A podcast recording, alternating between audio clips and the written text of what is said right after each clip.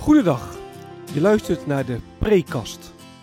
Een podcast over de preek die ik afgelopen zondag gehouden heb in de Maranatenkerk in Bunschoten, Spakenburg. Fijn dat je luistert. Mijn naam is Gertjan van Harten. Wat kun je verwachten van deze podcast? De Preekast bestaat uit vier onderdelen. Ik begin met een korte introductie van de tekst waarover ik gepreekt heb. Vervolgens geef ik een korte samenvatting van de preek zelf. En met korte samenvatting bedoel ik ook echt kort. Tijdens mijn opleiding heb ik geleerd dat preken schrappen is. Niet alles wat je in de voorbereiding gevonden en bedacht hebt, kan terugkomen in de preek. Wat heb ik laten liggen wat het overdenken wellicht waard is? Daar wil ik het over hebben in het derde deel van de preekkast. En tenslotte sluit de preekkast af met een aantal verwerkingsvragen. Vragen die je kunnen helpen om de preek te overdenken en of toe te passen. Ik wens je veel luisterplezier.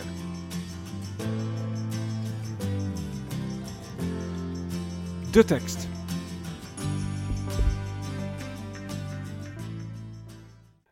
De preek ging over Psalm 100. En Psalm 100 is een, een lofpsalm waarin heel de wereld opgeroepen wordt om te juichen voor de Heer, om hem met vreugde te dienen en om te erkennen dat de Heere God is.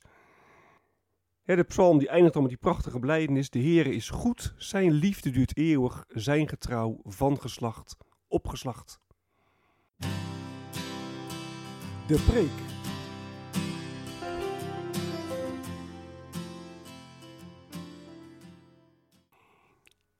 Je kunt wel eens het gevoel hebben dat we in de kerk in een soort geestelijke bubbel leven. En neem bijvoorbeeld Psalm 100. De psalm die zegt, dien de Heer met vreugde. En heel de aarde juich voor de Heer. En daar praten we dan over in de kerk. Hè. Daar gaat de preek over. En we zingen liederen, enthousiast. En, we, en dan zingen we, God, u bent goed en u bent machtig. En nou, we zijn blij met u. En dan gaan we na de kerkdienst weer naar huis. En dan worden we weer met ja, de realiteit van het leven geconfronteerd.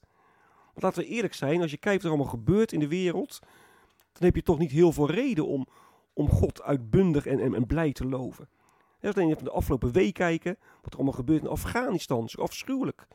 De Taliban die daar opkomt, als je dan die verhalen hoort en, en ziet op televisie over vluchtelingen, dat is vreselijk.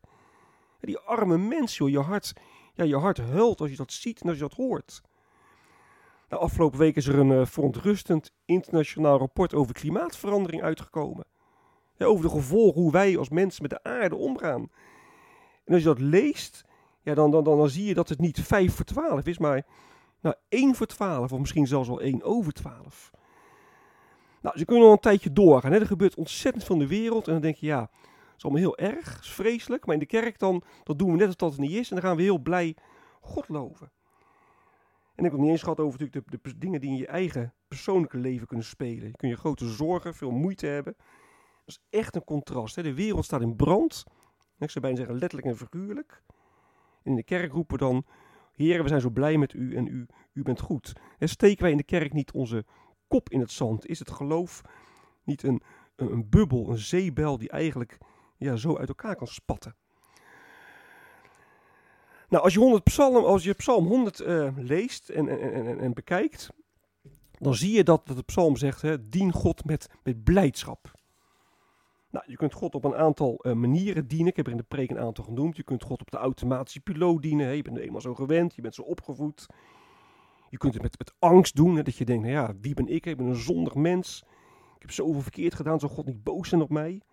Je kunt zelfs met tegenzin God dienen. En dan denk je, ja, eigenlijk doe ik het helemaal liever niet. Maar ja, ik wil natuurlijk wel in de hemel komen. Je kunt het ook weifelend doen, hè, vol twijfel. Dat je denkt, ja, ik weet het allemaal niet. Ik, wil best geloven, maar ik vind het zo moeilijk. Ik vind het lastig. Ik, is het allemaal wel waar? Zo allemaal manieren waarop je God kunt dienen. En de psalm zegt, God wil dat we hem met, met blijdschap dienen. Echt met blijdschap. Zo heeft God het bedoeld.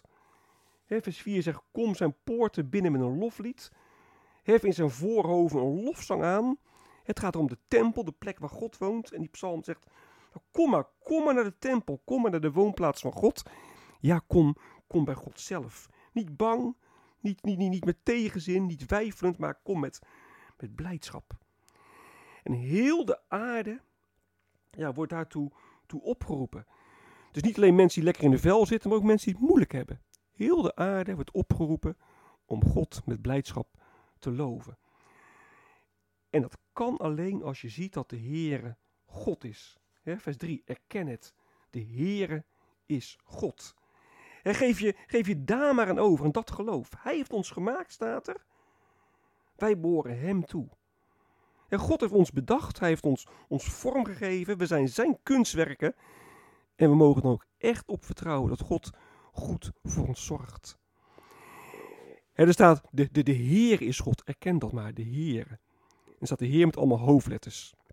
Dat noemen we ook wel de verbondsnaam van God. Er staat in het Hebreeuws Yahweh. En Yahweh betekent ik ben. Ik, ik, ik ben erbij. Ik, ik zal er zijn. En dat is ook echt het, het wezenlijke van God. Dat God betrokken is op mensen.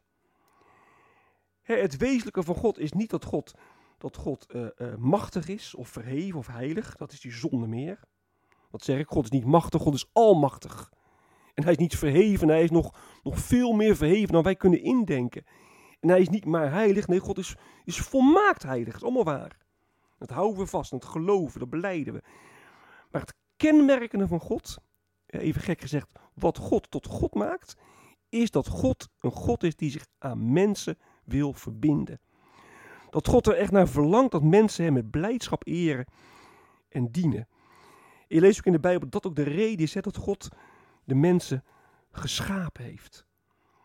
wij zijn zijn volk, de kudde die hij wijdt, zegt de psalm.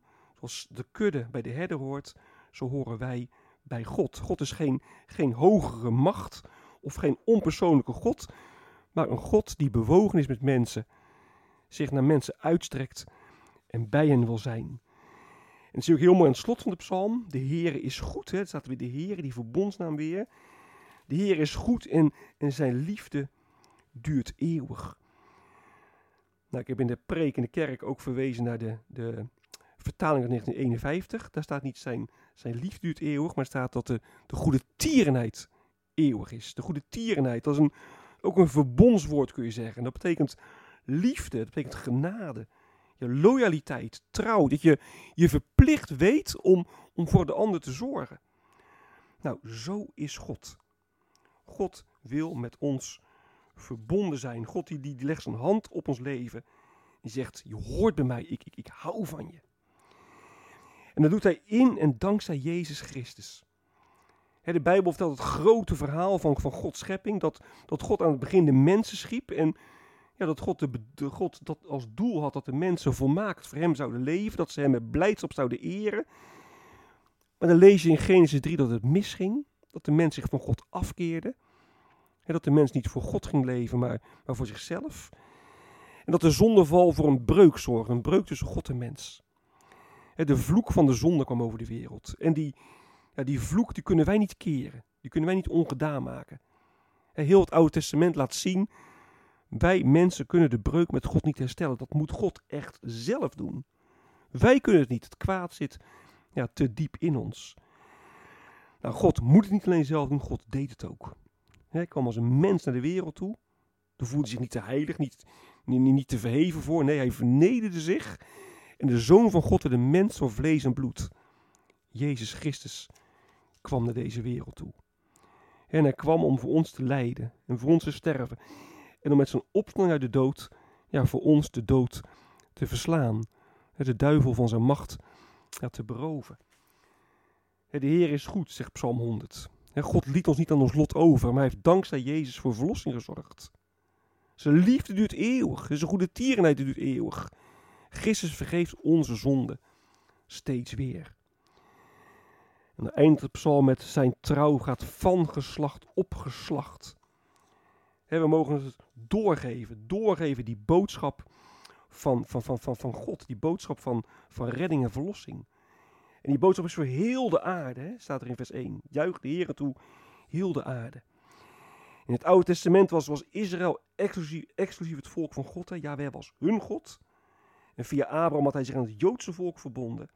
Maar de psalm zegt, heel de aarde mag, nee, heel de aarde moet juichen voor de Heer. Dat was het oorspronkelijke doel van God. En dat is ook vandaag nog Gods doel. En dat vraagt dus van de kerk ook een, ja, een open houding naar de wereld toe. En open dan in de zin van dat we echt het verlangen hebben om die boodschap van Jezus Christus, om die te delen, om die verder te brengen. we moeten niet de wereld de wereld laten. We moeten als kerk ons niet opsluiten in een subcultuur, geen onnodige drempels opwerpen. Maar we moeten met het evangelie ja, de wereld in, andere mensen vertellen. En het voorleven hoe geweldig het is dat wij met God verbonden mogen zijn. Nou, in een wereld vol zorgen, in een wereld vol moeite, in een wereld waar je allerlei vragen kunt hebben, ja, mogen wij beleiden dat de Heere God is, de Almachtige, de liefdevolle Vader. En daardoor is het geloof geen, geen bubbel, geen, geen zeebel die ja, ieder moment uit elkaar kan spatten. Nee, ons geloof is stevig verankerd in Gods belofte. Ja, is verankerd in God zelf. Loof de Heer, dat was het thema van de preek. Loof de Heer, doe dat met blijdschap. Want de Heer is God, de God die zich aan ons verbonden heeft, dankzij Jezus Christus. Vertel het verder. Wat is blijven liggen?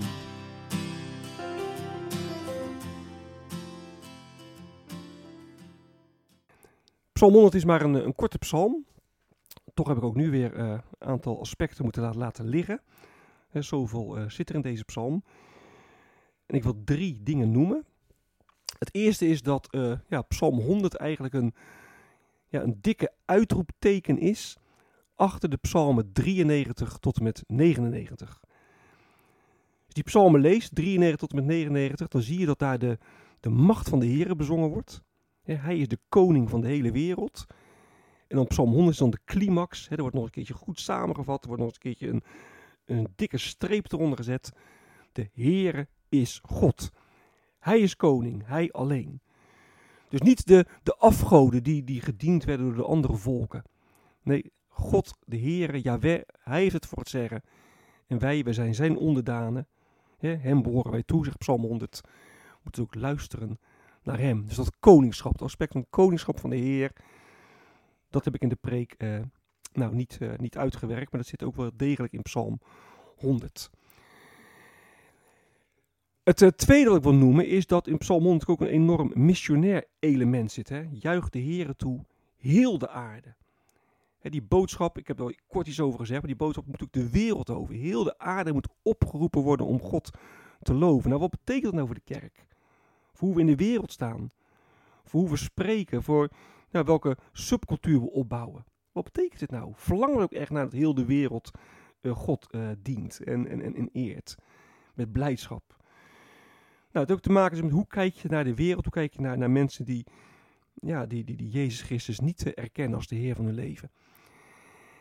En het derde wat ik wil noemen hangt eigenlijk wel mee samen. Het gaat om het, het, het hels historische aspect van deze psalm. Ik heb er kort iets over gezegd, maar je kunt zeggen, de psalm die is pas volledig vervuld straks als Jezus terugkomt. als Jezus terugkomt, dan zullen alle volken voor hem buigen. Dan zullen alle volken, alle mensen beleiden dat Jezus Heer is. Dan zal hij door iedereen erkend worden. dan zal dat, dat, dat, plan dat God met de schepping had, toen hij de wereld schiep, ja, zijn, zijn voltooiing uh, krijgen. Dus in die zin zit er ook in Psalm 100 nog een, nog een onvervulde belofte. En je kunt ook, als het gaat om de helse story, natuurlijk wel heel veel dingen nog vertellen. Gods plan met de wereld, wat er van terecht kwam, hoe God verder ging met Israël, wat de komst van Jezus daarvoor betekend heeft. Hè. Pinkster, het evangelie, weer heel de wereld over. En straks, straks zal het volledig vervuld zijn. Verwerkingsvragen.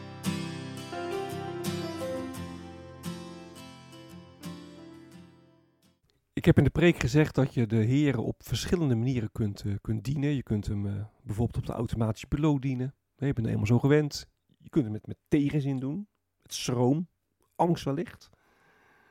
Nou, Psalm 100 zegt, dien de Heer met vreugde, doe het met, met blijdschap. De eerste vraag die ik wil stellen is dan, nou, hoe dien jij de Heer?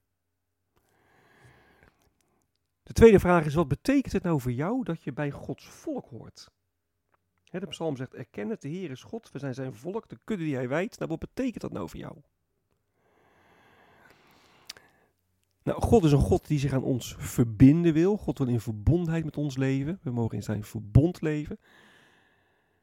En daar gaat de derde vraag ook over. In hoeverre ervaar je nu echt dat God een God is ja, die zich met ons wil verbinden? En de vierde en laatste vraag is, hè, de, de psalm zegt, uh, juicht de Heer toe, heel de aarde. Nou, hoe kunnen we als kerk nou bij de wereld het verlangen opwekken om inderdaad met vreugde, maar met blijdschap de Heer te dienen? Dit is het einde van de prekast. Mocht je vragen of opmerkingen hebben, dan kun je me mailen op mailadres van hartengretjan.gmail.com van hartengretjan.gmail.com Ik wens je nog een hele prettige dag. Hartelijk dank voor het luisteren. En wie weet tot een volgende keer.